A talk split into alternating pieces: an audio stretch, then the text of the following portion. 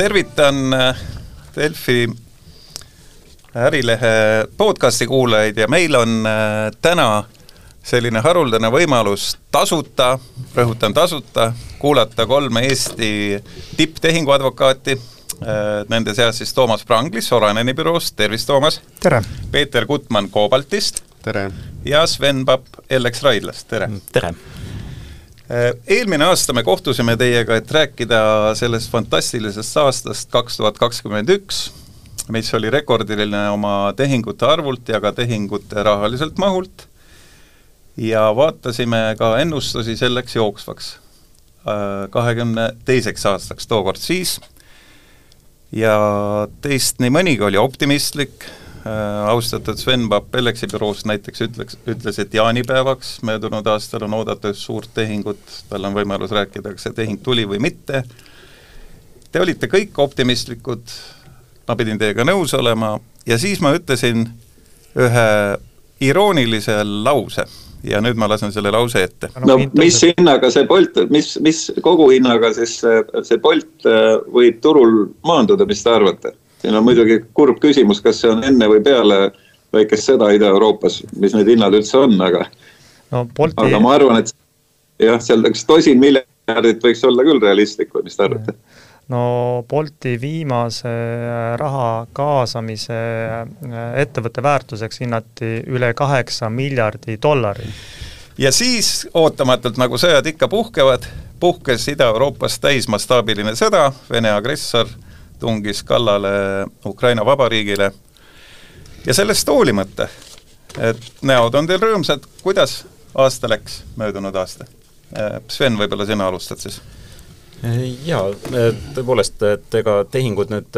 ka sõja tõttu seisma ei jäänud, need, mis olid varasemalt hoos, need sõitsid enamuses ka lõpuni Äh, tõsi, aasta esimene pool oli oluliselt äh, lõbusam ja tehingute rohkem ja tehingu väärtused tehti enamuses kõik äh, esimeses pooles, aga ega teises pooles oli ka tehinguid ja noh, kokkuvõttes võib öelda, et võib-olla circa kakskümmend viis protsenti oli tehinguid vähem Eestis-Lätis ja ka väärtuseliselt, Leedus. Seevastu oli kuuskümmend viis protsenti rohkem tehinguid kui kaks tuhat kakskümmend üks niimoodi, Peeter Gutmann, kuidas aasta läks? jaa, no eks meil, me ühel turul tegutseme, et eks meil läheb nagu enam-vähem kõigil ühtemoodi, et et et, et samades tehingutes oleme tihti ju vastaspooltel, nii et, et et selles mõttes see üldmulje on täpselt seesama, et et paljud tehingud, mis nagu läksid aasta alguses käima, ega need ikkagi läksid lõpuni, et minul oli mõne tehingu, mul ütleme niimoodi, et ma ei mäleta päris ühtegi tehingut, mis oleks nagu nagu otseselt sõjale viidatuna ära jäänud äh,, aga ähm, küll äh, jäid mõned tehingud nii-öelda nagu on hold mingiks ajaks ja, ja ikkagi nagu liikusid edasi aga noh, kindlasti võib olla tehinguid, mis olid nii algses faasis, et meie nendest ei teadnud midagi ja, ja, ja noh, võib-olla nii-öelda see juhe tõmmati enne, enne meiega juba enne kui advokaadikontorisse tuldi ja taksomeeter käima pandi nii-öelda, et, et seda kindlasti oli, ma olen selles täiesti veendunud, rääkides siin nagu teiste turuosalistega jah, siia võib-olla vahele võib öelda, et äh, kunagi sai külastatud aasta keskpaiku Poola advokaadibüroosid ja nemad väitsid, et nendel jäi tegelikult ikka päris palju asju jäi, jäi tulemata ja katki. nii, ja Toomas Prangli esindab meil Soraneni advokaadibürood, kes teadaolevalt teenindab oma häid kliente nii Balti riikides kui ka Valgevenes, Valgevene nõndanimetatud vabariigis, kuidas siis Soranenil läks see aasta, kakskümmend kaks? no eks äh, samamoodi, et äh, aasta oli parajalt Ameerika mäed äh,, kui me siin aasta tagasi istusime, olime tõesti nagu optimistlikud, kuigi see sõjakuulutus oli juba üleval ja aga, aga kõik, kõik toimub ikkagi ootamatult äh,. äh ma ütleks, et sõja tõttu äh, tegelikult otseselt tehinguid kui ära ei jäänud, ainult võib-olla mõned tehingud, mis olid otseselt tarneahela või või kliendiahela tõttu seotud Venemaa või Valgevenega ja sellega seotud mis, mis laadi, mis laadi tehingud no näiteks Operaili erastamine, et äh, seda oli riik oli varasemalt välja öelnud ja, ja see selgelt pandi seisma, nüüdseks on nad oma, oma äh, Soome ja Ukraina ärid maha müünud, aga Te, äh, Teie kaudu? ei, meie seda tehingut ei nõustanud, et äh, aga, aga, aga mida, mida nagu see sõda mõjutas, oli kindlasti igasugused, ta kiirendas neid makromajanduslikke probleeme, mis tollel hetkel ka juba üleval olid ja mis, mis siis väga reljeefselt üles kerkisid ja, ja, ja eelkõige jäid, jäid seisma äh, kapitali kaasamised tehnoloogiaturul, äh, sest äh, tehnoloogia aktsiatest on palju õhku välja lastud siis näiteks nagu, milline kapitali kaasamata umbes mis laadi tehnoloogiafirmadele? Äh, no Eesti, tegelikult Eesti äh, suuremad kapitali äh, kaasamised õnneks tehti nagu, nagu, nagu Bolt oli just eelmise aasta jaanuari alguses ja. oma suure raundi avalikustanud. Bolti kohta, Bolt oli kindlasti suur vaal selles suures Või, kalade ookeanis, siin Boltil ma pean siis kommenteerima, et Bolt võttis juurde investeerimiseks, kuna see firma on investeerimisfaasis, me võime öelda, et vendade Villigute firma on juba Aafrika mandri suurim taksoalal, nad võtsid umbes no üle kuuesaja miljoni võtsid juurde ja selle hinnaga, millega see raha kaasati, siis kogu äh, Bolti hinnaks tuleks seitse ja pool miljardit kuskil selle järgi, eks ole. aga see oli, rõhutame, enne suurt sõda Ida-Euroopas see oli enne suurt sõda, aga või, võib-olla veel tähenduslikumalt, see oli enne seda, kui tehnoloogia aktsiatest hakkas õhk välja laskma, minema, et, et, et, et see oli tegelikult see, see probleem, mis äh, tehnoloogiasektorit pärsib. no Veriff oli samamoodi, et Veriff ju aasta alguses vahetult sai, sai ka ükssarviku staatuse endale, oli just äh, raha tõstnud ja, ja, ja Montonio Finance ja mis need suuremad raha kaasamised siin on olnud, et äh, nemad said nagu hea rasva endale peale. aga, aga, aga tehnoloogiasektoris, mis äh, Äh, mis on mõjutatud, on kõik sellised, äh, sellised algfaasis ettevõtted, kus ei ole veel käivet, äh, mis võib-olla vähem mõjutatud on, on, on sellised süvatehnoloogia ettevõtted, kus ei ole otsest seost aktsiaturgudega ja, ja kus on natuke teised investorid. kas Veriff on Eesti firma, ta on eestlaste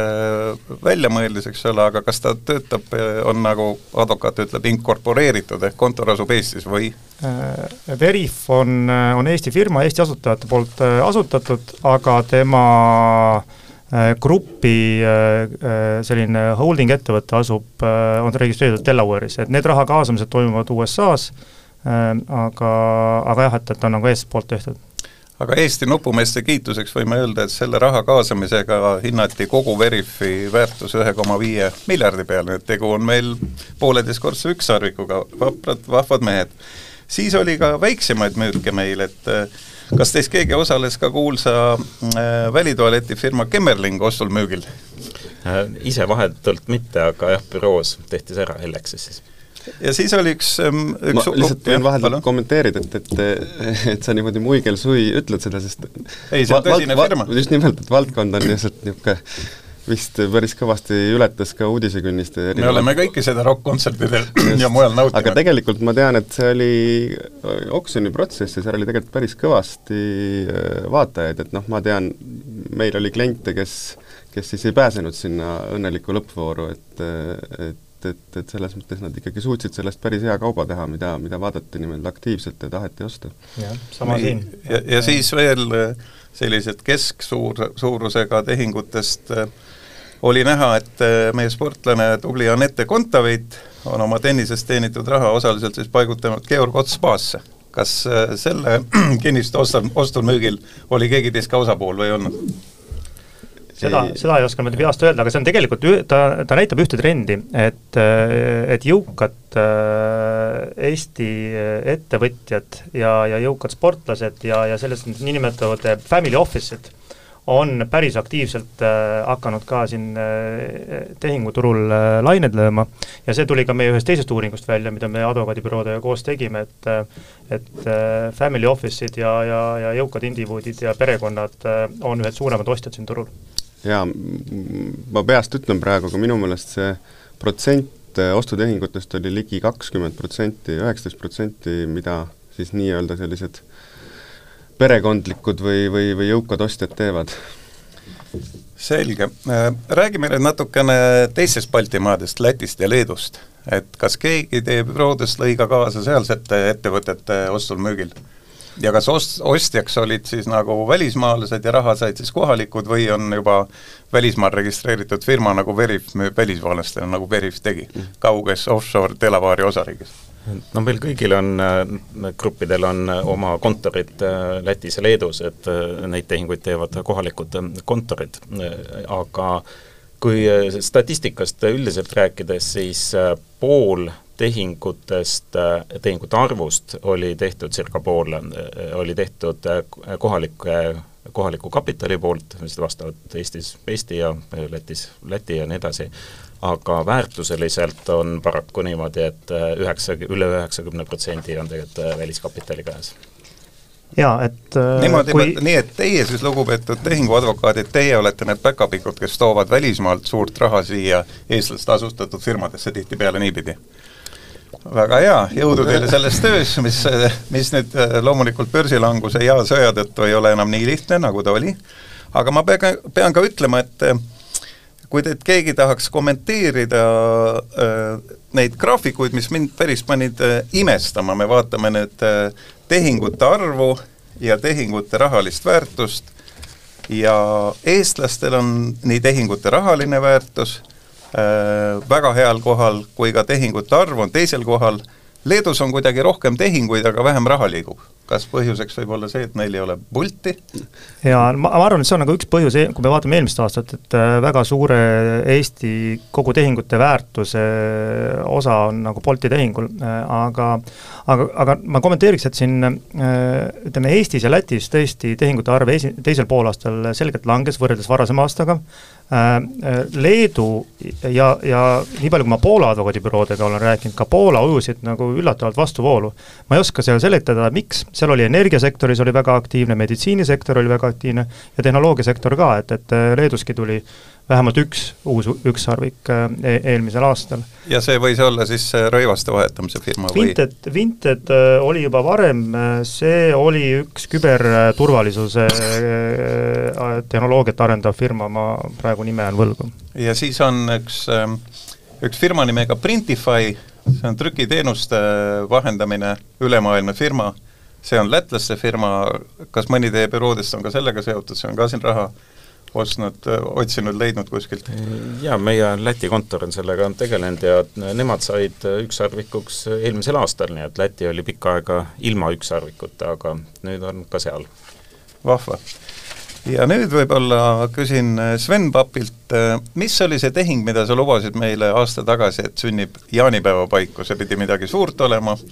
räägi palun. no see kaunis tehing oli siis Eesti Kapitalil avanes võimalus osta äh, soomlastelt Hoko Scanni Äh, Baltikumi ettevõtted ja see oli keeruline tehing, äh, keeruline läbi rääkida just nimelt selle keskkonna ja sõjast tingitud äh, asjaolude tõttu. ja sellega osteti siis äh, Rakvere ja Viljandi lihatööstused pluss veel Talli Tall,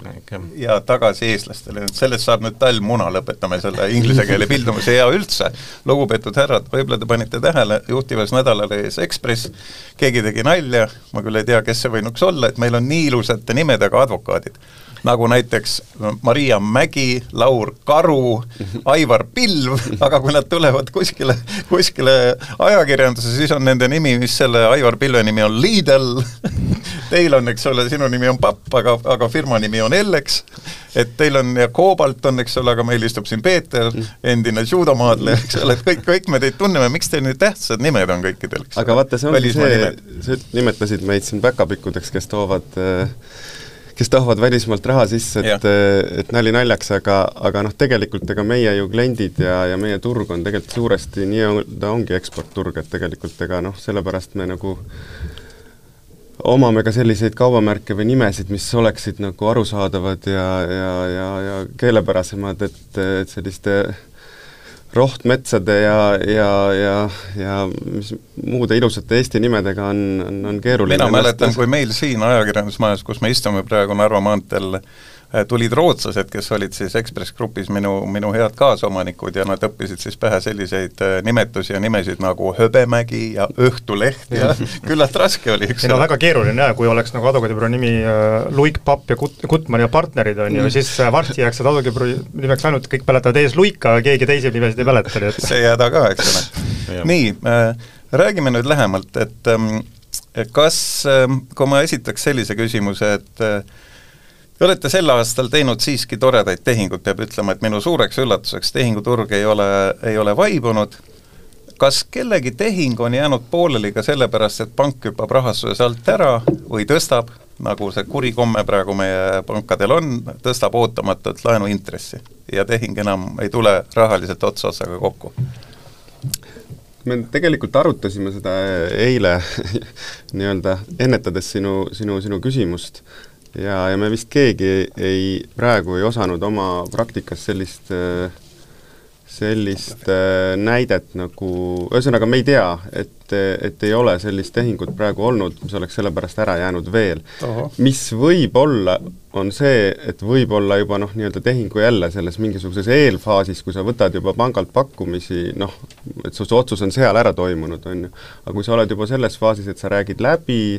sul on pakkumine noh, nii-öelda müügi- või ostupakkumine laual. siis on pangalt, on juba siduv pakkumine rahaliselt ja, ja nad ei ole alt ära hüpanud? Nad ei ole alt ära hüpanud, minu kogemuse järgi vähemalt. jaa, sama siin, ma arvan, et praegu erakapitalifondide investeeringud, või finantsinvesteeringud, mis võimeldavad ennast äh, pangalaenude abil,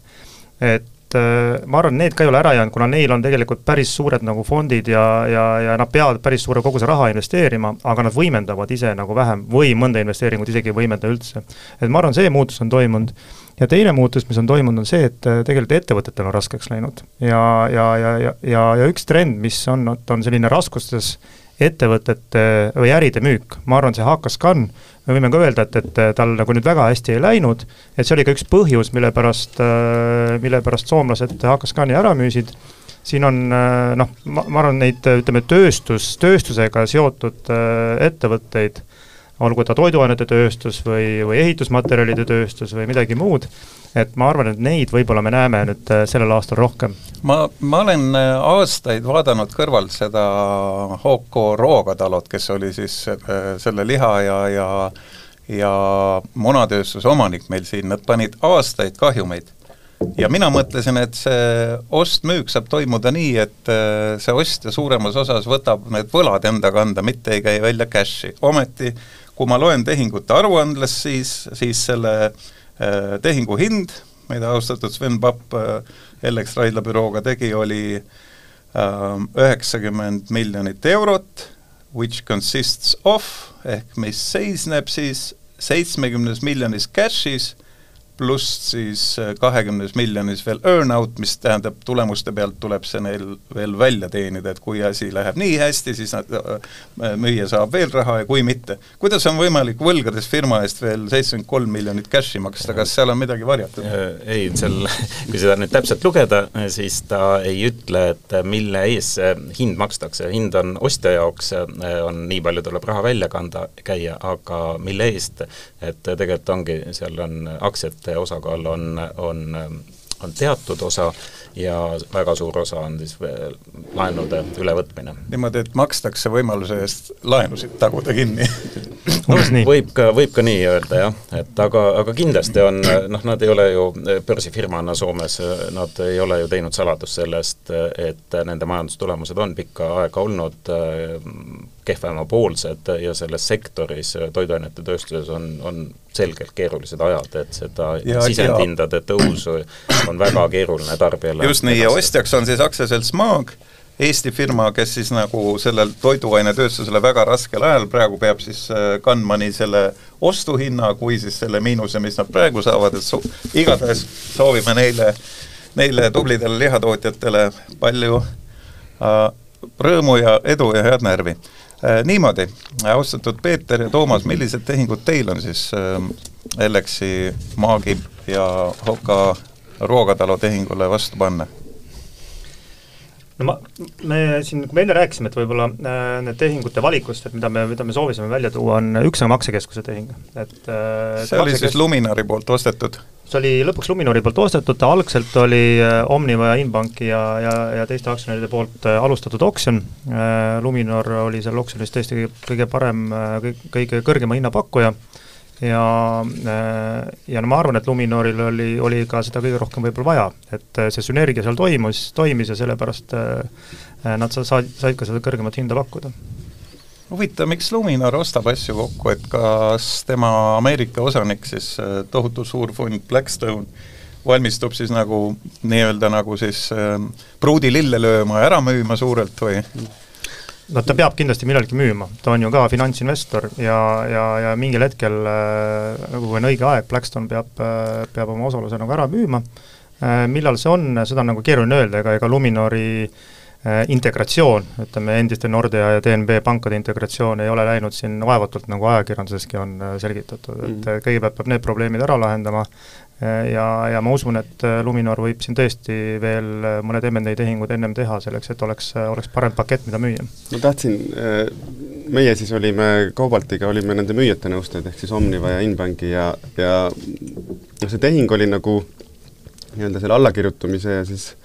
closing'u vahe oli päris pikk, sellepärast et ta vajas äh, Finantsinspektsiooni heakskiitu. ja see võttis päris pikka aega ja ja noh, see ju sattus, see allakirjutamine nii-öelda siis jälle, kui me sõjale viitame, siis nad vahetult enne äh, nende sündmuste algust ja, ja noh, päris pikalt läks siis see FI loa saamine ja tegelikult noh, ütleme, meie küll siis müüjate poolel nagu väike värin oli sees, et, et, et mis nüüd siis saab, et, et kas äh, Luminor või Blackstone hakkab otsima mingisugust äh, võimalust tehingust välja tagurdada ja mõnes mõttes see oli nagu noh, julgustav ja positiivne, et tegelikult ikkagi selline tugev Ameerika taustaga riskikapital, okei okay,, nende jaoks see summa ei ole küll avalik, aga aga, aga oli piisavalt eestlaste poolt vaadatuna piisavalt suur. no see summa oli minu meelest kümne miljoni ringis, kuna või isegi, ise, no, isegi ülespoole, jah? ma ei tohi avaldada, aga ma, ma näen su silmadest, et oli rohkem. aga, aga seal oli üks selline huvitav nüanss, äh, millest me rääkisime ka aasta tagasi teiega saates, et seal puhkes äh, os-, oksjon, see tähendab, äh, Inbank ja Omniva ilmselt panid äh,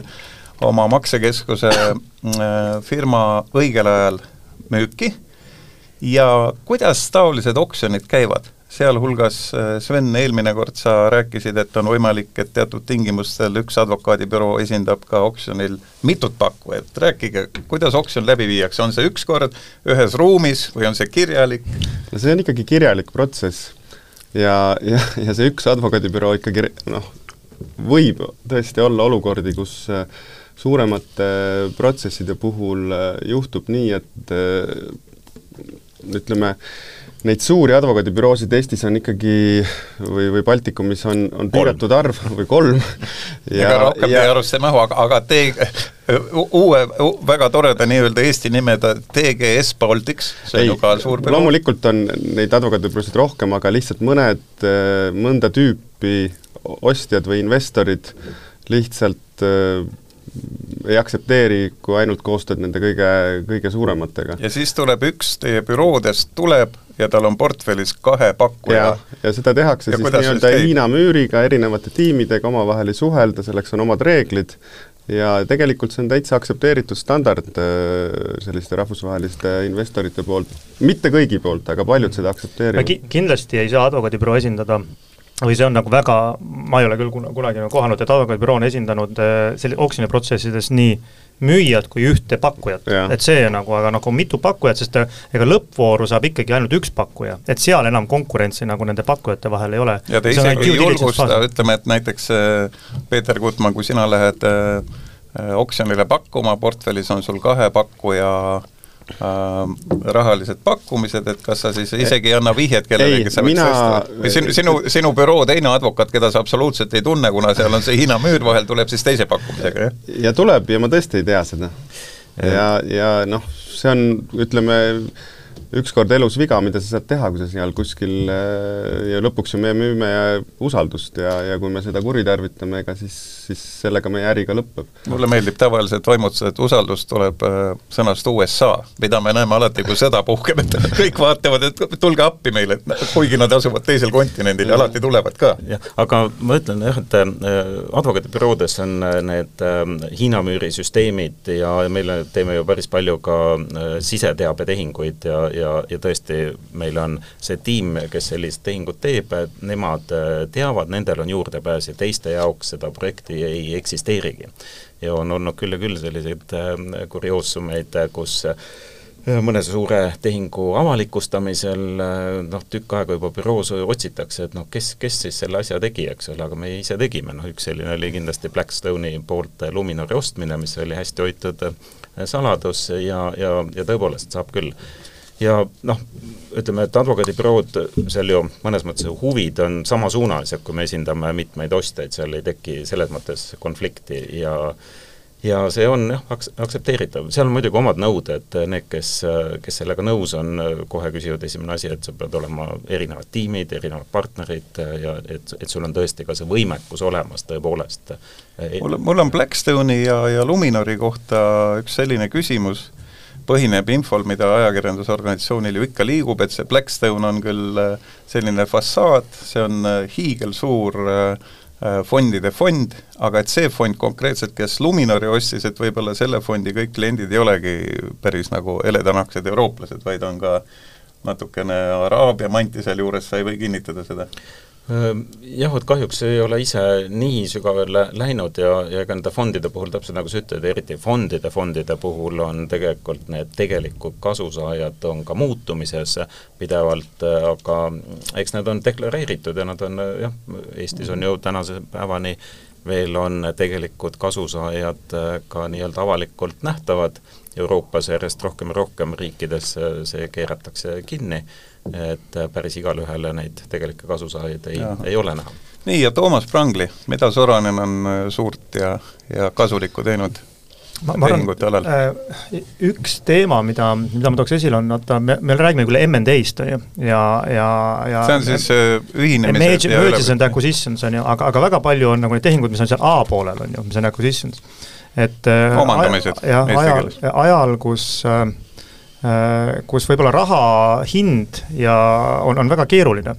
Äh, on, ma tooks välja nagu, nagu ikkagi ühe, ühe trendi võib-olla või, või ühe võimaluse, mis on nagu see ühinemine, et, et, et sa tegelikult ei käigi raha välja, vaid sa lihtsalt ühined mõne oma konkurendiga või oma, oma, äh, oma, oma tarnija ja kliendiga et näiteks üks suurematest tehingutest, mis ühinemise käigus eelmine aasta toimus, oli klaasimeistri, siis Livonia portfelli kuuluva klaasimeistri ja Parruse poolt äsja ostetult Balti klaasi äri ühinemised, et Parrus ostis selle Saint-Gobainist, Saint-Gobaini käest ja, ja siis klaasimeister ja Balti klaas ühinesid, et ma arvan, et see oli nagu väga arvestatav ühinemine turul ja ta tegelikult lõi ühe nagu võimaliku Euroopa turuliidri äh, siin meie enda regioonis. ja klaasi, klaasi tootmises. kas Saint-Gobain on siis üldse väljas siit äh, klaasi tootmisest või, või mitte päris? ei, Saint-Gobain täielikult väljas ei ole, ta müüs oma selle Balti klaasi äri äh, lihtsalt ära no., aga, aga no see eelnes nagu sellele ühinemisele. Järva kandis nad siis on sees vast jah, ma arvan küll. selge, et ähm, ma pean ka ütlema, et, et Livonia, see on siis Rain Lõhmuse poolt asutatud mitmete partneritega investeerimisfirma, ta on, ta on müünud äh, eelmisel küllaltki raskel äh, aastal veel mõned firmad, oli vist Fenestra, ja siis oli vist Hortese äh, taimede ja lillede müügifirmast äh, juttu, et nad oskasid endale ostjal leida ka keerulisel ajal või, või siis oli selline olukord tõesti, et äh, nad olid, nagu öeldakse, must sell situation'is ehk pidid müüma? no Hortes müüdi juhtkonnale, nii et noh, ütleme, me vist keegi ei olnud selle tehingu juures, nii et me nagu nii detailselt seda ei tea, aga noh, kõlab, et see ikkagi on niimoodi, et et, äh, et kui fond selle juhtkonnale müüb, et ega ta siis ise ei pida ennast enam väga, väga suurt kasumikordajat ei saa sealt. jah, ja, ja, ja ilmselt seal enam raha juurde panna ei tahtnud vaata, äh, Livonia puhul on see huvitav asi, et Rain Lõhmus on oma noorteks partneriteks valinud seal mehed, kes on meist tõesti tugevasti põlvkonna, minust juba poolteist põlvkonda nooremad, näiteks Haapsalu pankuri Arne Veske poeg Kaido Veske töötab Livonias, samuti olen näinud äh, minu poja Atsiga omal ajal kõvasti rulasporti teinud äh, Karl-Erik Kodu, olen näinud teda väga tähtsa nimega Porta Finantsi esindajana, kes on muuseas äh, keda ta nüüd esindab äh,, äh, Rothschildi. jaa, nad, nad on Rothschild äh, affiliate'id, kuulus ju äh,, juudi äh,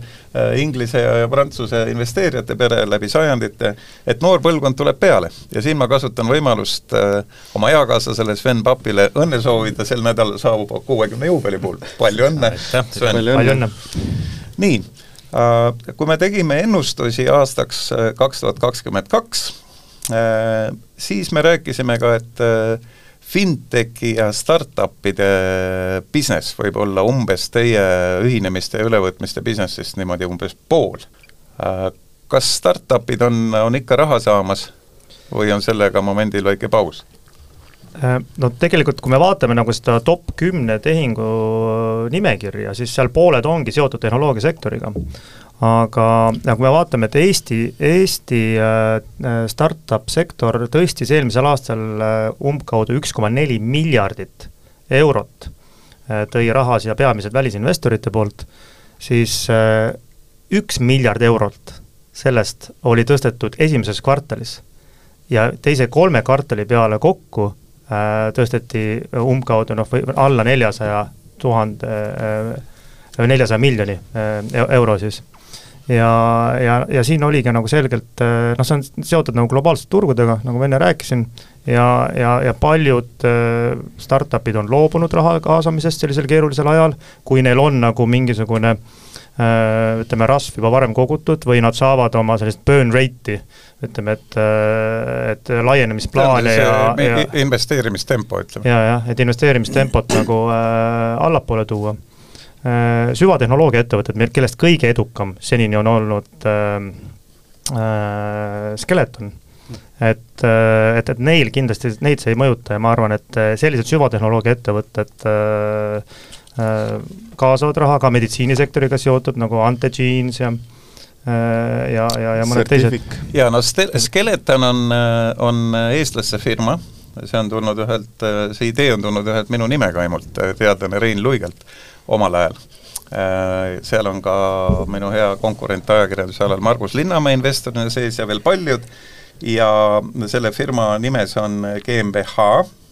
Skele-, Skeleton Technologies GmbH, ma ei tea, kes paneb oma firma nimeks luukere, aga Skeleton, Skeleton ta igatahes on. igatahes see minu meelest Dresdeni kandis Saksamaal töötav firma on, on üks meie,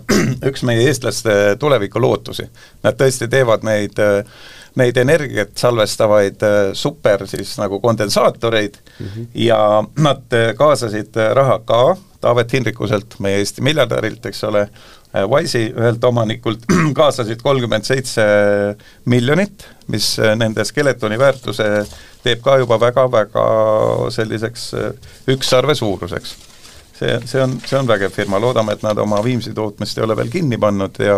et nad toovad ikka oma, oma know-how'd, mis neil kahtlemata on praegu rahvusvaheliselt väga kõrgel tasemel, toovad ka Eestisse. Uh, räägime energeetikasektorist, küllaltki suured tehingud on toimunud siin tuule-päikseenergia vallas, milliseid te sooviksite, lugupeetud advokaadid, esile tuua? no äh, üks kõige suurem tehing tegelikult oli ka jällegi kapitali kaasamine, et äh, Sunly äh, kaasas eelmisel aastal kakssada miljonit eurot Pran-, Prantsusmaa kontsernilt Mirova. Ja noh, Mirova oli üks seal lead investor ja, ja ma arvan, et see kas Sunly on põhiliselt Eesti firma või on tal Baltikumis ka mingid varad? jaa, Sunly on äh, ikkagi nagu eestlaste poolt loodud, see on ju endiste, endiste Nelja Energia asutajate äh, kamp, kes teevad ju praegu uut, uut niinimetatud Nelja Energiat ja ja, ja noh, ega, ega see investeeri-, investeeringud neil on üle Baltikumi peamiselt kahjuks Leedus ja Poolas, sest äh, nagu me eelmine aasta siin nagu rääkisime, siis äh, ega Eesti äh, tuuleenergia ja üldiselt taastuvenergia regulatsioon ei ole kahjuks eh, paranenud ja, ja siin ei ole neid eh, võimalikke investeerimisobjekte juurde tulnud ja me kümme aastat oleme juba ühe, nagu põhimõtteliselt paigal seisnud selles osas nii et, eh, et ma arvan, siin Eesti riik peaks vaatama nagu endale, endale peeglisse. mina tahaks ka teada, et nii uljas kui see jutt, eriti Reformierakonnal ja, ja veel moodsamatel erakondadel nii-öelda, nii, nii uljas kui see roheenergia jutt ka ei ole olnud need valitsused lihtsalt ei ole ju meil olnud kümne aasta jooksul võimul mitte ainult Reformierakond, vaid ka Jüri Ratas oma kahe valitsusega, ei ole suutnud siis nagu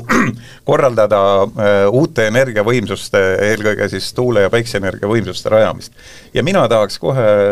lugeda kuskilt, et milliste institutsioonide taha siis kõik on jäänud. okei okay,, me saame aru, et Kaitseministeerium tõesti, on selge, et need lennuradarid on väga olulised Venemaaga külgnevale maale, aga ka see küsimus oli lahendatav kohe, kui nende asekantsler töökohta kohta vahetas mm., lahendati seegi asi ära, aga seal on ju veel geoloogilised uurimised, seal on läbirääkimine kohaliku kogukonnaga, et see ei saa võtta aastaid mm. -hmm. mina näiteks olen töötanud ühe ministri palvel neli aastat äh,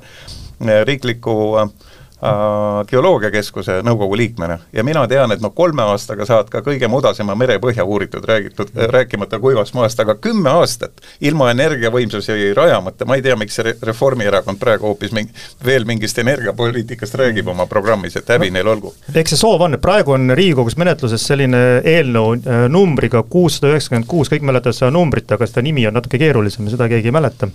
Aga, aga, aga noh, see, see tegelikult peaks lahendama palju probleeme ära, kahjuks on jällegi tekkinud selline eh, seadusandluse kobarkäkk, püütakse ühe eh,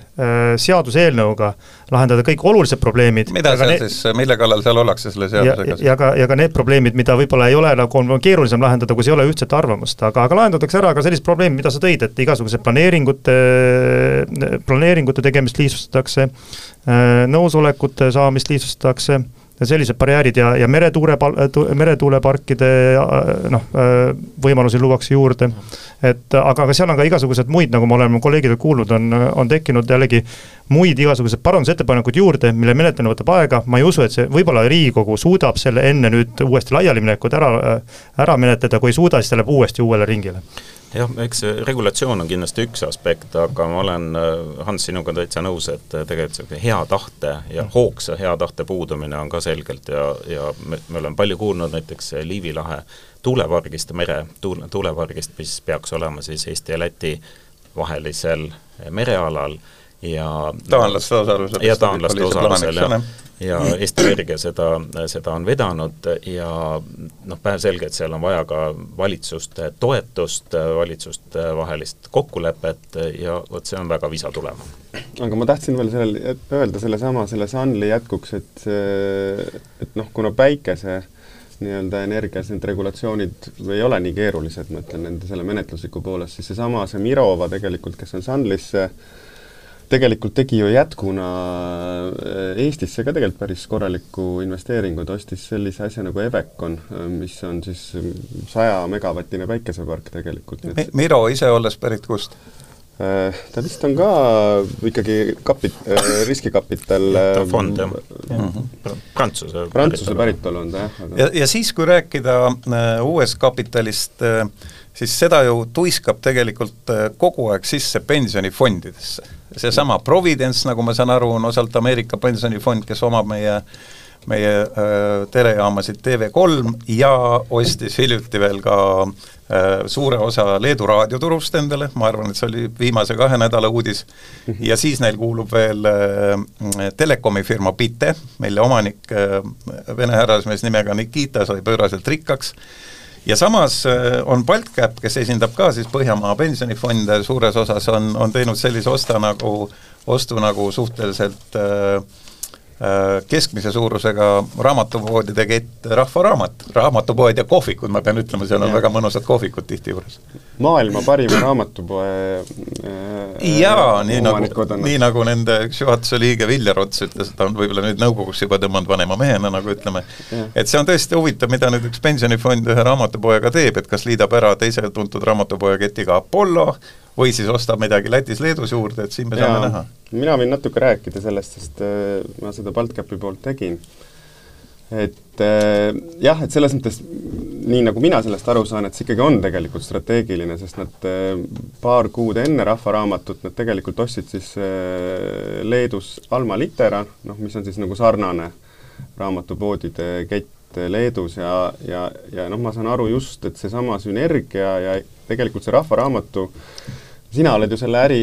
algatamise juures olnud, sest see Rahvaraamat oli ju kunagi, esimese poe tegi tegelikult ju Ekspress Grupp, enne kui see tänane me, me ikka ostsime ära väikse firma, millel oli ainult siis see Draamateatri vastas olev okay, pood ja sealt okay, arendasime. aga noh, põhimõtteliselt see tiim, kes siis omal ajal seal Ekspress Grupi alt selle ära ostis, ju tegelikult selle hiljem siis nii-öelda üles ehitas. nii et, et ma usun küll, et ju siis see kirjastamine ja, ja, ja raamatute müük ikkagi noh, koos nende kõigi igasuguste muude mugavusteenustega sealjuures on, on, on võimalik no me peame vist ütlema jah omavahel, eks ole, et, et kõik me siin, ma loodan, oleme raamatute lugejad, et ega nad odavad ei ole. hiljuti üks, üks raamat Saksa, Saksa ordust, mille tegi ajalooline Kreem, ma saan aru, et Jaagup Kreemiga, lauljaga lähedalt seotud, läks mulle viiskümmend euri maksma. vend, jah, täpselt. nii, ja, ja aga siis... see on kindlasti see turg, mis vajab äh,, äh, vajab konkurentsi ja mm., ja, ja ma loodan, et see, see tehing, millele sa vihjasid, et, et see kunagi Apolloga kokku viiakse, et ma loodan, et seda vähemalt niipea ei juhtu, et, et suudetakse enne seda ikkagi arendada kõvasti ja mina, mina, aga, aga mina ütlen, et seal võib olla selline vigur, et Margus Linnamäe, kes on väga tuntud ühinemiste tegija, kus enne ühinemist ei ole üldse selge, kelle oma mingi firma on, ja nii, nagu näiteks suurepärase erameditsiinifirma Confido omanik oli just nagu Tarmo Laanetu, kellel, kelle kohta kõik me ütlesimegi just, just nagu omanik ja selgus, näed, see on ikkagi Margus Linnamäe oma, aga jaa, no seal võib olla see aspekt, et vaadake, Apollo kett, kui te olete seal käinud, seal on väga palju ka mänge ja selliseid nagu äh, rohkem lastele suunatud äh, kaupasid ja, ja, ja kirjatarbeid, et äh, tont teab, kuidas see Konkurentsiamet jälle, jälle otsustab. aga siis on turul üks selline huvitav firma nagu Karma Ventures, kes on ostnud siin ka üht-teist software'i alal, üks äh, firma äh, siin Black Demon äh,, Stakewise, ma ei oskagi täpselt öelda, mis laadi tehnoloogiafirmad need on, et kes on siis Karma Venturesi taga? no Karma Ventures on tegelikult äh, riskikapitalifond, mis on siis, tegutseb äh, Baltikumis, põhi nii-öelda see juhtkond või see management tiim on seal selline segu Eesti, Soome äh,, ma ei tea, vist Läti äh, tiimist. Ehm, ja ta on nagu siin samamoodi nagu BaltCap ja nad on kõik saanud nagu, üks nendest investoritest on seal see kuidas seda fondi siis nimetatakse, Balti Balti Innovatsioonifond. Balti Innovatsioonifond ja, ja, ja aga noh, nemad, nende fookus on siis samamoodi ikkagi nii-öelda kohalik startup turg, et nemad siis teevad neid riskikapitali tehinguid et Margus Uudam on seal see, see nii-öelda see juhtkuju nägu. Ja, ja noh, nad on kindlasti tehingute arvult, on nad siin nendest kohalikest fondidest äh, kõige aktiivsem või üks aktiivsemaid. no selliselt noh, ütleme riskikapitali turul, et kes meil siin on, et Baltkapil on endal Nordic Ninja, mida ta koos, koos jaapanlaste ja soomlastega teeb siin Põhjamaale, Uus-Põhjamaale niinimetatud, kus on Põhjamaad ja Baltikum kõik koos. Mm et äh, investeerib siis äh, Karma Ventures, äh, on Trind, on Super Angel, Change, Change, neid, tegelikult neid riskikapitalifonde on päris palju tekkinud siin viimaste aastatega. ja, ja kui me vaatame neid riskikapitalifonde, kes otsa, otsivad nagu uue aja tehnoloogiafirmasid äh,, siis äh, neil võib ees olla nüüd äh, see küsimus, et nad on kuskile investeerinud äh, või ütleme nagu isegi Bolti, on keegi investeerinud kõrgete hindade pealt, Bolt nagu, nagu enne ütlesime, et kaasas siis aasta tagasi umbes kuussada viiskümmend miljonit, millega nende kogu firma hind hinnati seitsme koma nelja miljardi peale, aga vahepeal on toimunud sellised muutused, et nende konkurendid turul. Taksofirmad äh, Uber, Lyft ja, ja Didi langesid aktsiahinnas vahepeal noh, kuskil seitsekümmend protsenti, mõni võib-olla servast rohkemgi, ja küsimus on, et äh, kui investeerimisfaas on alles firmal käes, nagu Boltil on ja paljudel tehnoloogiafirmadel, ja nad selle raha, mis nad on võtnud, on siis nagu ära investeerinud, võib öelda ka kulutanud, aga loodame, et targalt kulutanud, mis hinnaga nad nüüd siis raha sisse saavad? kui no. Bolt, Bolt läheb siis järgmist ringi tegema, varsti võib arvata jah, täpselt see, selle aasta siis kaks tuhat kakskümmend kolm üks trendidest on kindlasti see, et me ilmselt näeme nii-öelda down round'e, mis on siis madalama madalama väärtuse pealt kui, kui viimatine raha kaasamine sest raha on ju vaja kaasata ja edasi on vaja arendada. ja noh, me oleme näinud ju päris palju ka Eestis küll äh, tänase seisuga mitte nii palju, aga mujal maailmas, noh Amazon, eks ole, koondas seal ju lausa kaheksateist tuhat inimest globaalselt, meil on Pipedrive on öelnud sada nelikümmend viis inimest vist, need on ikkagi suured numbrid ja, ja, ja ma arvan, et, et me neid trende näeme, näeme, näeme veel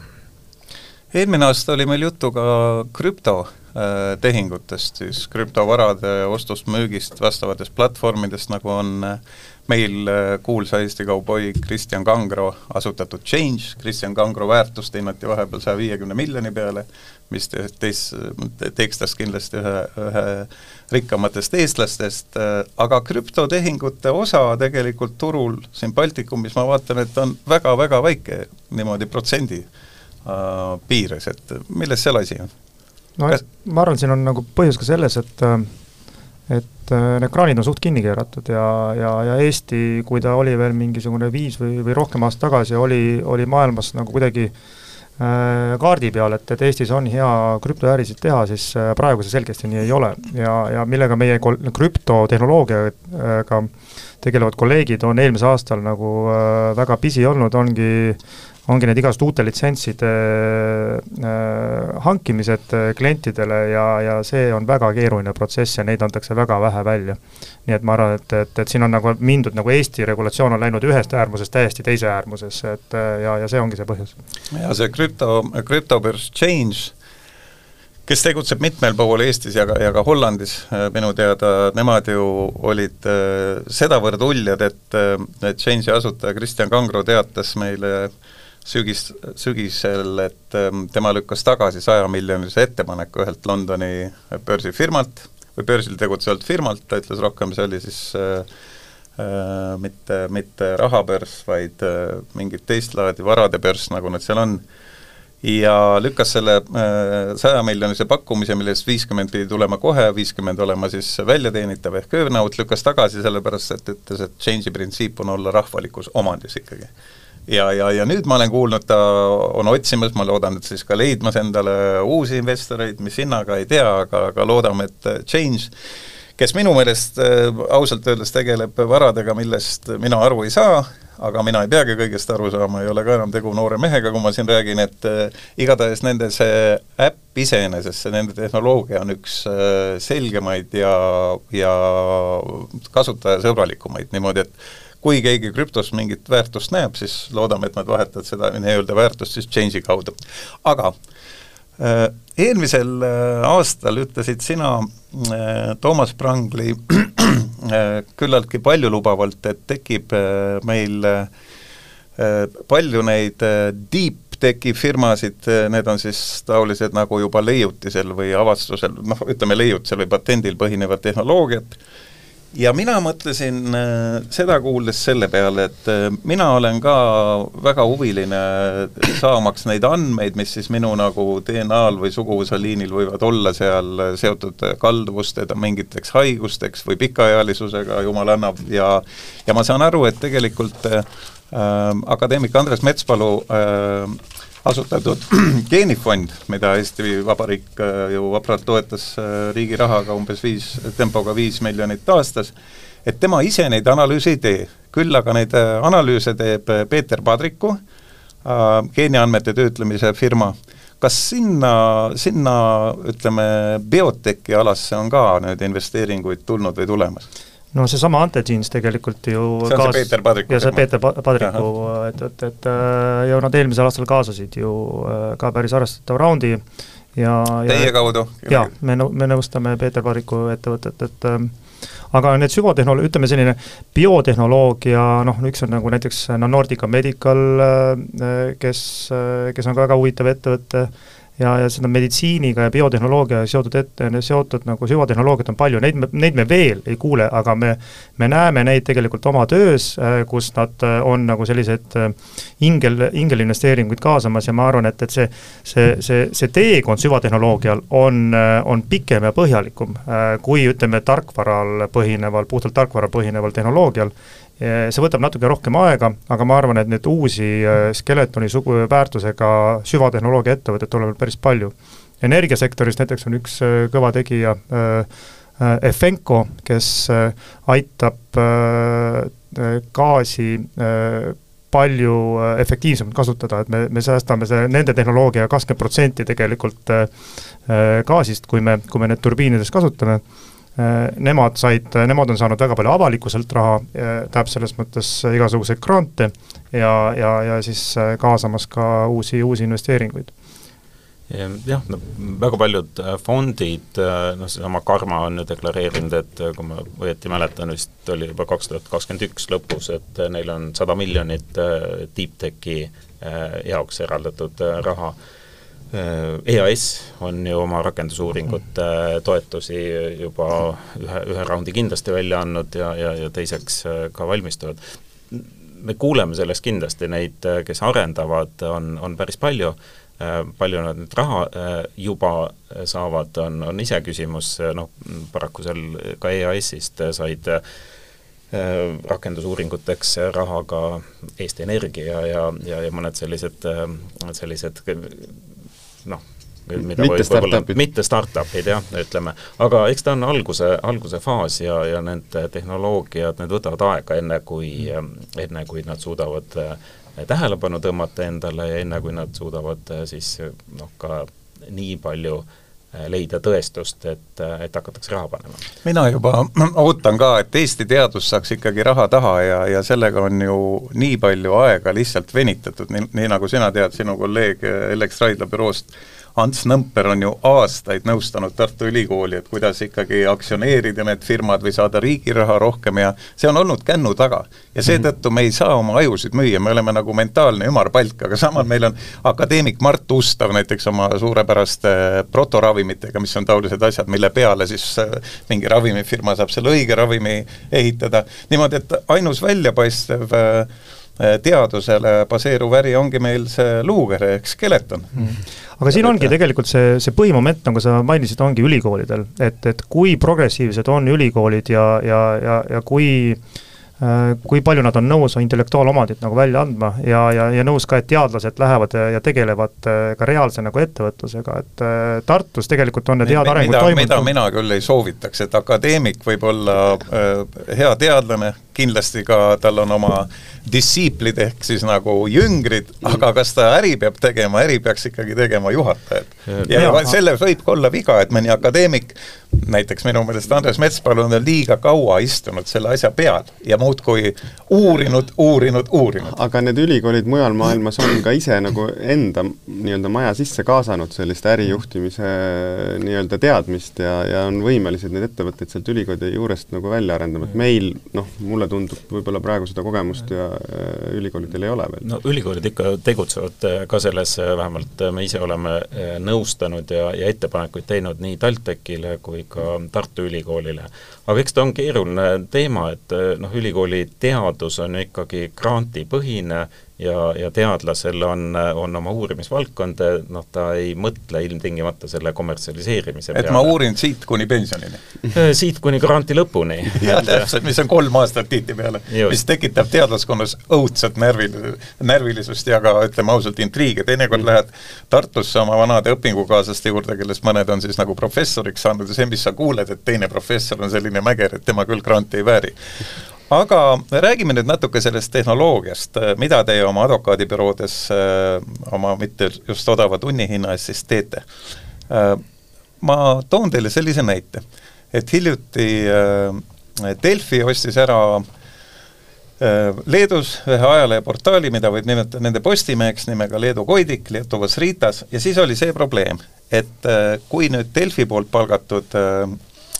seal oli meil vist ka advokaadibürooga Ellex tegu, ma arvan äh,, nii-öelda siis äh, ärilise uuringu ehk due diligence tegijad sise, sisenevad Delfi konkurendi andmebaasidesse ja nende ärimudelisse ja näevad nende reklaamihindasid, nende inimeste palkasid, mis on siseinfo. et kuidas see asi lahendada, sa eelmine kord äh, nimetasid äh, Toomas sellist välismaist sõna nagu clean room mis, mis asi see on ja, ja kuidas lahendada küsimus, et kui konkurendid kokkuleppele ei jõua, et ei tuleks nii välja, et üks konkurent on väitnud, et tahab osta, tegelikult tahab ainult luuret teha, pärast ta on oma teisel konkurendil püksid maha võtnud nii-öelda, näinud kõike, mis seal on ja ära ei osta. no äh jaa, äh, kui äh, konkurent soovib teist konkurenti osta, siis ongi seal üks nagu suur probleem on see, et, et äh, et see info, mida, mida see konkurent ostmiseks vajab, on ühest küljest äh, suht detailne, aga teisest küljest ta ei tohi nagu seda infot, nii sensitiivset infot endale saada, siis tehakse nagu, meil on selline andmeruum, mis tehakse siis auditite jaoks, et kus pannakse kõik materjalid, pannakse üles, aga seal tehakse kas sinna andmeruumi läheb siis keegi, kes ei ole ei ostja ega müüjaga seotud, keegi neutraalne pool või? ei, no andmeruumi tavaliselt, andmeruumi läheks ikkagi nagu ostjaga seotud äh, inimesed ja nende nõustajad äh, tavaliselt. aga ütleme, kui konkurentide vahel toimub tehing, siis tehakse nagu sisuliselt kaks andmeruumi, üks on selline üldine andmeruum, kuhu saavad kõik ligi, ja teine on selline clean room, äh, kuhu saavad siis ligi need nõustajad, kes ütleme, tehingut otseselt äh, ei nõusta ja, ja need ettevõtted, ettevõtete esindajad, ütleme, need ettevõtete esindajad võib-olla ei saagi sinna ligi, või saavad ligi need, kes ei tohi olla kuidagi seotud selle äriga Äh, selle ärivaldkonnaga, mida, mida ostetakse. ja see, mida nad seal vaatavad, on see, et vaat-, vaatavad, kas seal mingisuguseid äh, luukeresid kuskil kapis on, äh, kui seal toimub, kui seal midagi leitakse, siis enne avaldamist peab selle alati kooskõlastama siis müüjanõustajaga, et mida tohib, mida tohib avaldada, kas üldse tohib avaldada ja kui üldistatult seda tohib avaldada niimoodi, et see no, sensitiivne info ei lähe jah, aga vaata, Toomas, ma vaidleksin vastu, et kui müüja ei taha midagi avalikustada, siis ostja muutub kohe kahtlevaks. et järsku tal ei ole neid lepinguid ja ja järsku see töötaja, keda ta väidab, et tal on kolmeaastase lepinguga, tegelikult on lahkumisavalduse pannud, mida mul ei öelda ja kuidas sa saad, saad kindel olla? Ma arvan, et ostja saab sellest aru, et Äh, et müüja ei saagi kõike avaldada ja, ja ta peab usaldama seda, et äh, tema nagu sellised nõustajad, kes talle kõike ei tohi välja öelda, äh, kinnitavad, et kuule, et, et me seal midagi nagu olulist ei leidnud või kui leidsime, et, et see puudutas seda, seda valdkonda. kommentaar? et noh, see tegelikult on mitte ainult clean room, vaid clean team ka, et Toomas siin seletas, keda siis selle clean tiimi hulka loetakse ja ja tegelikult ju ostjal võib-olla ta kõiki detaile ei pea teadma, ta peab teadma noh, ütleme siis hinna arvutamise juures, mis määrab, et äh, väga palju infot, äh, kas, äh, mitte väga palju, vaid see tundlik info kaetakse kinni, et on selliste lünkadega või mustade, mustade aukudega dokumendid või esitatakse üldistatud kujul, et mis võimaldab siiski hinda määratleda, aga sa ei näe nagu täpselt neid tehinguid ja see ei ole nüüd ainult müüjapoolne selline kapriis või, või, või kadedus, see on tegelikult, nõutab ka konkurentsireeglite koha pealt, et juba konkurentide vahel konkurentsitundliku info vahetamine võib tähendada ka noh, koostööd. Info- ja tehnoloogiaminister Andres Sutt, eelmine pakkus välja, et Eesti võiks saada kakskümmend viis ükssarvikut ja tegi selle peale ka seal mingisuguseid struktuurseid äh, lahendusi, et, et riik saaks kuidagi seal abiks olla. mis sellega saab, kas ükssarvikud, äh, ma mõtlen startup'id tegelikult, tulevased ükssarvikud, äh, saavad üldse praeguses rahalises olukorras, kus, ma rõhutan, isegi meie kaks pangandusturu liidrit, SEB ja Swedbank, tõstavad oma intresse lihtsalt väga suure sammuga toodes põhjenduseks, et Euribor tõuseb, mm. see on õige. ja nad võiks põhjenduseks tuua ka halva ilma, mis on ka õige jaanuaris ja veebruaris. aga Euribor ei puutu üldse asjasse, kuna äh, kallid advokaadid, need, need kaks panka opereerivad ainult eestlaste, eraisikute, Eesti firmade cash'iga, mis on nende arvetel. Neil on, kogu pangandusest Eestis on üheksakümmend kaks protsenti laenuportfellidest kaetud inimeste hoiuste, deposiitide või noh, lihtsalt pankades oleva eestlaste rahaga. aga neil kahel pangal, kuna nad on kahtlemata oma suuruse tõttu nagu erilised deposiitide võtmisel, võib-olla inimesed usaldavad neid rohkem, neil on sada protsenti raha, mis nad annavad ettevõtetele, on siinsamas Eestis teenitud raha, rootslaste raha seal ei ole. ja ometi on tõmmatud rahakraanid kinni, võib-olla ka jah, risk on suurem, tõepoolest, asume Venemaa sõdiva riigi naabruses, et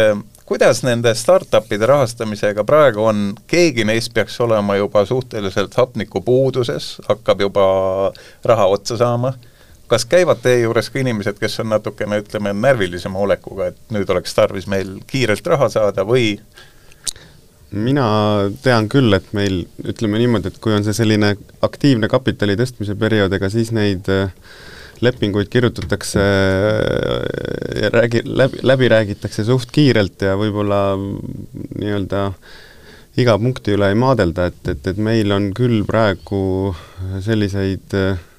teemasid tekkinud lauale, kus ikkagi vaadatakse uuesti nendesse osanike lepingutesse sisse, et mida siis nagu üksteisele lubati ja, ja, ja, ja, ja kui siis on see nii-öelda äh, madalama hinna pealt tõstmine, et, et, et mis õigused siis sul on, on ju, kas sa siis nii-öelda pead, on sul õigus sellega kaasa minna, on sul õigus saada selle oma endise hinna pealt nagu mingisugust uut osalust juurde, et, et ma usun, et et see käib, see käib vaidluse saatel, on tingimist kuulda. jah, et ma usun, et need lepingud võetakse praegu paljudki uuesti nii-öelda sahtlist välja, noh, mida võib-olla arvati, et ei võeta ja, ja lihtsalt tõstetakse jälle seda raha sinna peale, nii oota, ma, ma küsin täpsemalt, kas keegi on protestinud ka, et ta on äh, ostnud hobuse, mis tegelikult lonkab ja ja tahab osa rahast tagasi saada ja kas taolisi äh. asju ka on juhtunud? On ikka, aga, aga ma, ütleme selliseid nagu, ütleme nagu päris nagu kohtuvaidluse tasandile üldiselt äh, väga need asjad ikkagi ei lähe, sest noh, seal on ikkagi nagu meil just, Toomas viitas, oli eile seesama, see nii-öelda selle tehinguturu ülevaate äh, uuringu tutvustus ja tegelikult ütleme, mis talt, kui ma ei eksi, siis protsentuaalselt äh, tehingujärgseid vaidlusi on tekkinud, ma ei tea, kas kahel kuni kolmel protsendil tehingutest, nii et noh, mhm. tegelikult see on ikkagi suhteliselt noh, nagu madal. aga tehnoloogiasektoris on ju, see on ju riskiraha ja, ja ma arvan, et riskikapitali investorid saavad aru, et, et, et kõik ei õnnestugi, kui sul ikkagi kümnest üks-kaks õnnestub, see on ka ju hästi, et, et sellepärast see nagu ei ma arvan, ole isegi higiseid nägusid või närvilisust. jaa, jaa, et ma, ma arvan, et seal no, Lä-, raha läks ja laulis, nagu öeldakse. jah, aga mida me võib-olla sellel aastal tõesti näeme, mida eelmine aasta nagu sellises suures, mingi, mingi suuremaid äh, allahindlusi, nimelt downround'e äh, äh, ei näinud, aga ma võib-olla sellel aastal võib küll äh, veel küll toimuda, et ka mõnel suuremal startupil võib saada raha otsa ja sellised, selliseid märkimisväärseid äh, down round'e võib tekkida. Et, äh, et, et see juba nagu, see tähendab seda, et äh, seal hakkavad juba sellised protsessid käima ettevõtte sees, et olemasolevad investorid peavad ka rohkem osalust saama ja nii edasi, et, et see läheb väga keeruliseks. nii, õpetatud vandeadvokaat Sven Papp, palume kommentaari. jaa, et no mis siis juhtub, headel aegadel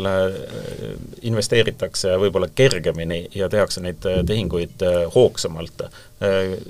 kehvematel aegadel see ei tähenda seda, et tehingud kuidagi ära jäävad, aga kindlasti on, mis me oleme näinud, kõik need võimalikud kriisid ju noh, mitte, mitte ainult nüüd sõda, vaid ka ja mitte ainult Covid, vaid äh, algas ju pihta logistikakriisid äh,, Covid äh,, energiahinnakriis inflatsioon, intressi ja, ja sõda, eks ole. et äh, mis juhtub, on, on nagu jah, Peeter viitas, et tegelikult hakkas, hakatakse hoolikamat vaatama, mis lepingusse kirja saab ja hindadele mõjub see kindlasti, et aga, aga Sven, ütle, kui, kui teie büroo vahendas seda suurt tapamajade ja, ja ja kanahaudijaamade firmat äh, Maagile, seda Hoko Squeni, Talleegi ja, ja Rakvere ja, ja siis Viljandi kandi äh, tapamajasid, seal üks osa rahast ei makstud kohe välja, vaid jäi nii-öelda siis earn-out'i peale, mis tähendab, et kui firma esitatud äh, eelarved täituvad, siis müüja selle papi saab, vabandust, Sven Papp, selle raha ma tahtsin öelda, ja, ja kui ei, siis mitte. ja nüüd tuleb sõda ja sa ei saa enam väetist, sa ei saa loomasööta, energia läheb kallimaks, et eh,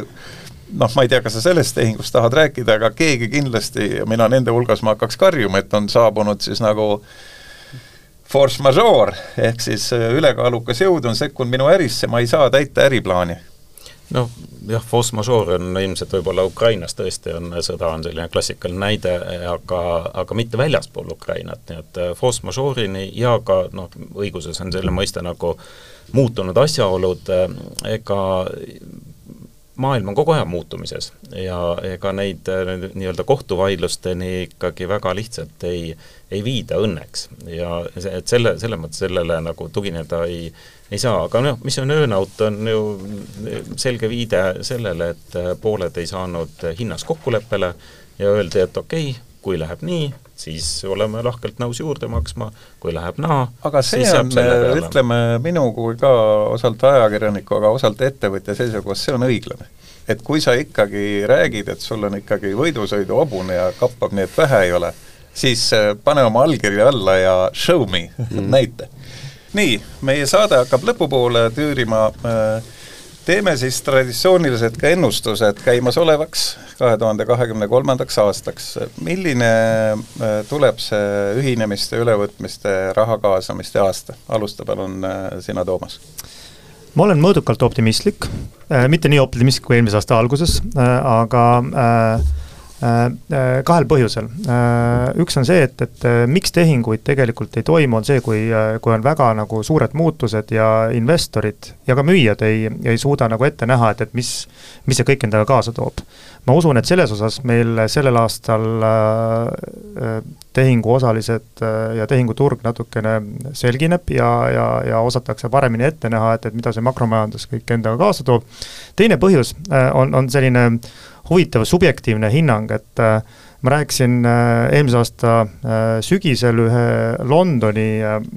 tipp M&A nõustajaga ja tema ütles, et need tehingud, mille pärast Londonis, aga tegelikult Põhjamaades oli nagu suur ärakukkumine eelmine aasta lõpp, oli see, et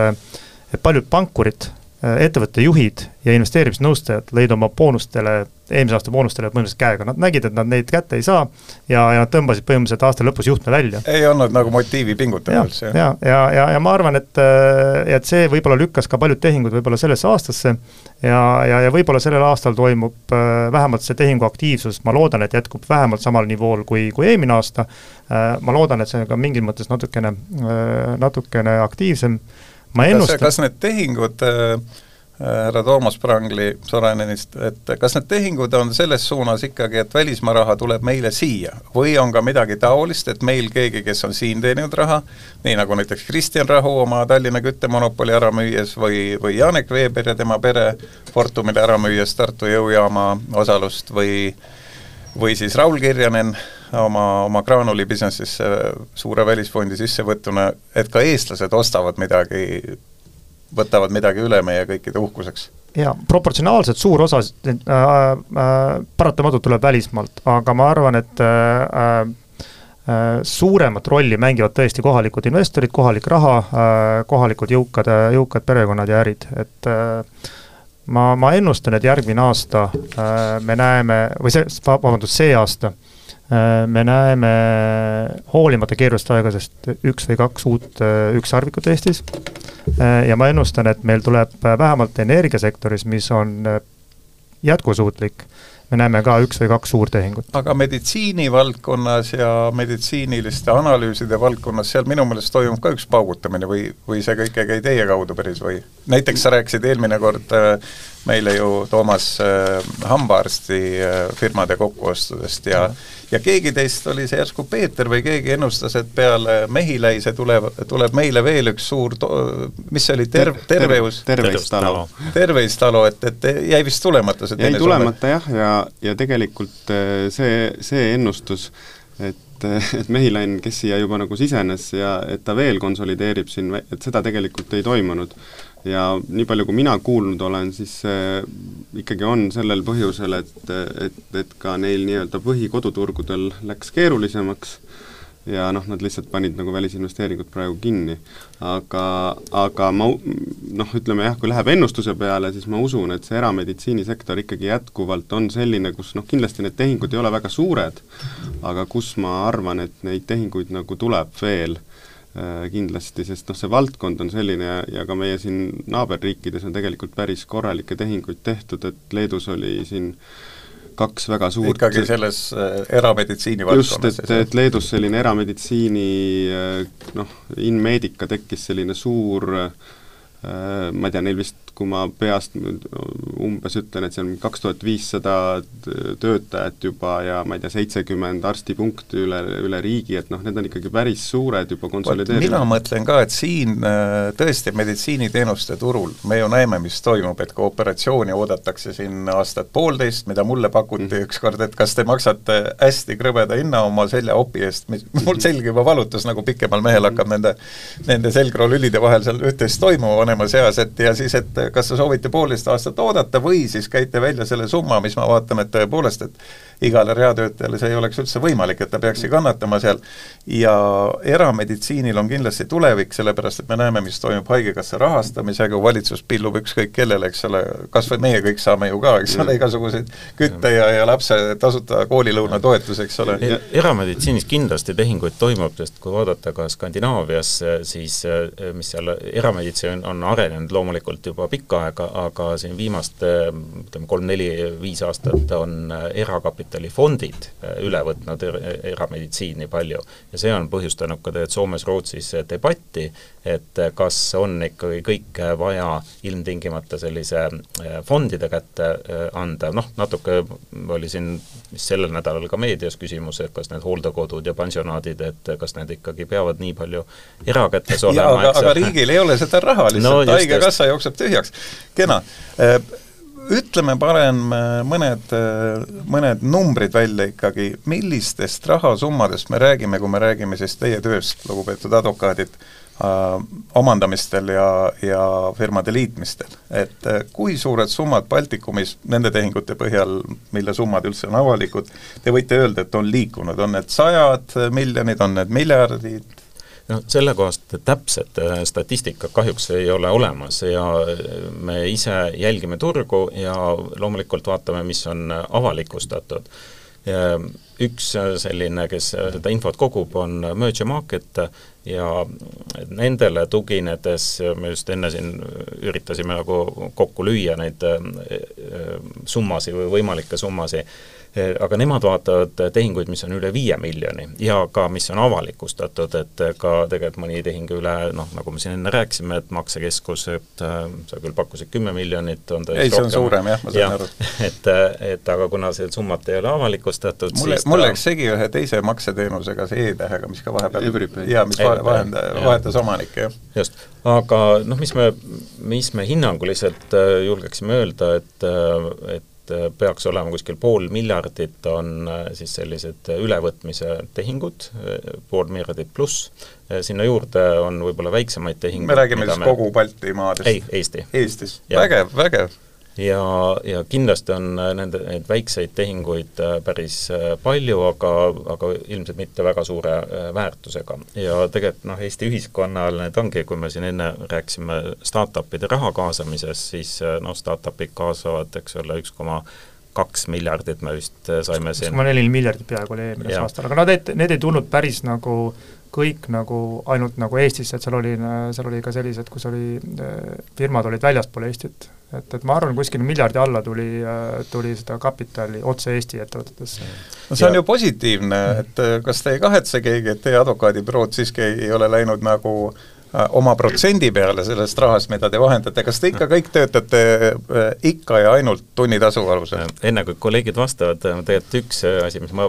ka varem ütlesin, et mis on huvitav trend, on see, et Baltikumis arvuliselt tehinguid teeb kohalik kapital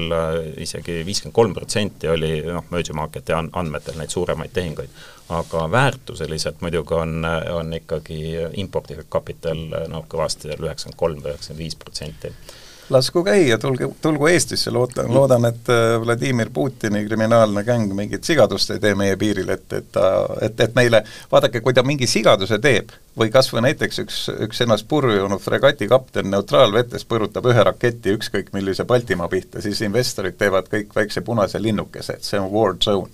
ja siis välisraha kahjuks peab võtma väikse pausi, enne kui see Kremli punt sealt minema pekstakse loomulikult. mida lõpetuseks öelda, Peeter, milline aeg tuleb? no ma olen pigem nagu, ma ei tea, kas see on nagu mõõdukas, ütleme optimistlikum olen selles suunas, et ma arvan, et sellist äh, noh, nii-öelda jalad laua peale olukorda, nagu võib-olla kaks tuhat siin kaheksa või, või ütleme, selle eelmise kriisi ajal ei tule, et ma usun, et ma mõtlen meil kui tehingunõustajatele, et, et ma arvan, see, see tehingute arv kindlasti on väiksem, kindlasti on tehingud keerulisemad, aga, aga, aga ma usun, et see nagu jätkub, ma ei julge praegu ennustada vähemalt nii-öelda oma Äh, mailbox'i vaadates, et, et, et, et kas nüüd midagi samavõrra suurt tuleb, kui siin mõned eelmise aasta tehingud, aga aga ma arvan ka, et kohalikul kapitalil on võimalust, äh, erakapitalifondidel jätkuvalt on päris palju äh, raha arvel, aga tõsi, et nad peavad ka vaatama seda, et, et kas,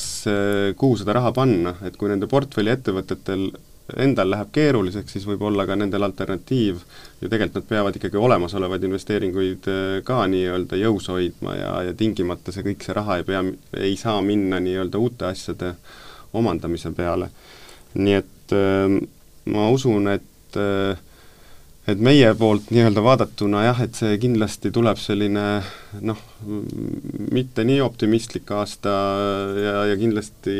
nagu, nagu eelmistel, eelmised aastad, aga, aga ma usun, et et kui nüüd jah, need geopoliitiliselt teemal siin midagi väga viltu ei lähe, siis, siis see tegelikult turg on piisavalt aktiivne, et siin tehinguid toimub kindlasti. no ma ütleks ka, et võib-olla Hans, sa teed siia mõne nalja, et, et saabub rahu, eks ole, eelmine aasta tegid sõjateemalise nalja. ma võin rahulikult see... seda teha, et ja alati peale rahu väljakuulutamist puhkeb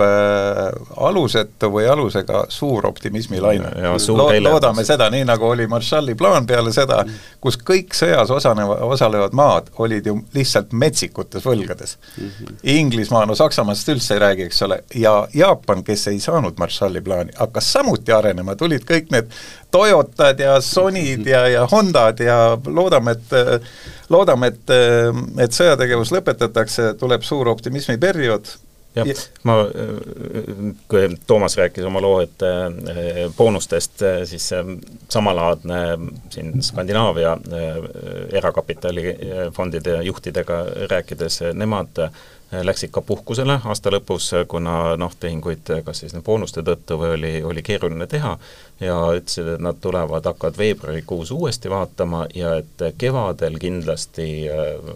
tuleb rohkem tehinguid, vot täpselt ei tea, kas kevad tuleb meile märtsis või kevad tuleb meile mais, aga nii on äh, vähemalt meie Põhjamaa kolleegid äh, ootamas. kõlab hästi ja, ja Toomas Prangli Soraneni büroost, millised on lõpulaused, ennustused? no äh, ma juba ennustasin, et, et ma arvan, et tuleb natukene aktiivsem aasta kui eelmine aasta, eelmine aasta oli kindlasti alla ootuste äh, ja äh, ja, ja nii on, et vaatame, et äh, ma, ma usun, et energia- ja infosektoris äh, toimub siin midagi, meditsiinisektoris ma olen nõus, kuigi Eestis on neid target eid ikkagi suhteliselt vähe, et siin on juba, juba koondunud päris palju kahe suure tegija kätte. Äh, ja, ja, ja me näeme siin süvatehnoloogia arengut, SmartCap ja, ja Startup Estonia on õigel teel nagu selle nagu suuniste andmisel ja, ja, ja initsiatiivides, et ma olen alati optimist olnud ja, ja ma loodan, et see optimist äh, õigustab ennast, kui me siin aasta pärast uuesti räägime. väga hea, äh, Ärilehe podcastis osalesid siis ähm, Balti juhtivate ühinemiste ülevõtmiste advokaadibüroode partnerid, Peeter Gutmann advokaadibüroost Cobalt, Toomas Prangli advokaadibüroost Sorainen ja Sven Papp Ellex Raidla advokaadibüroost. Mingu teil kõik hästi, olge oma teenuse hinnastamisega kristlikud, kõike head! aitäh, nägemist!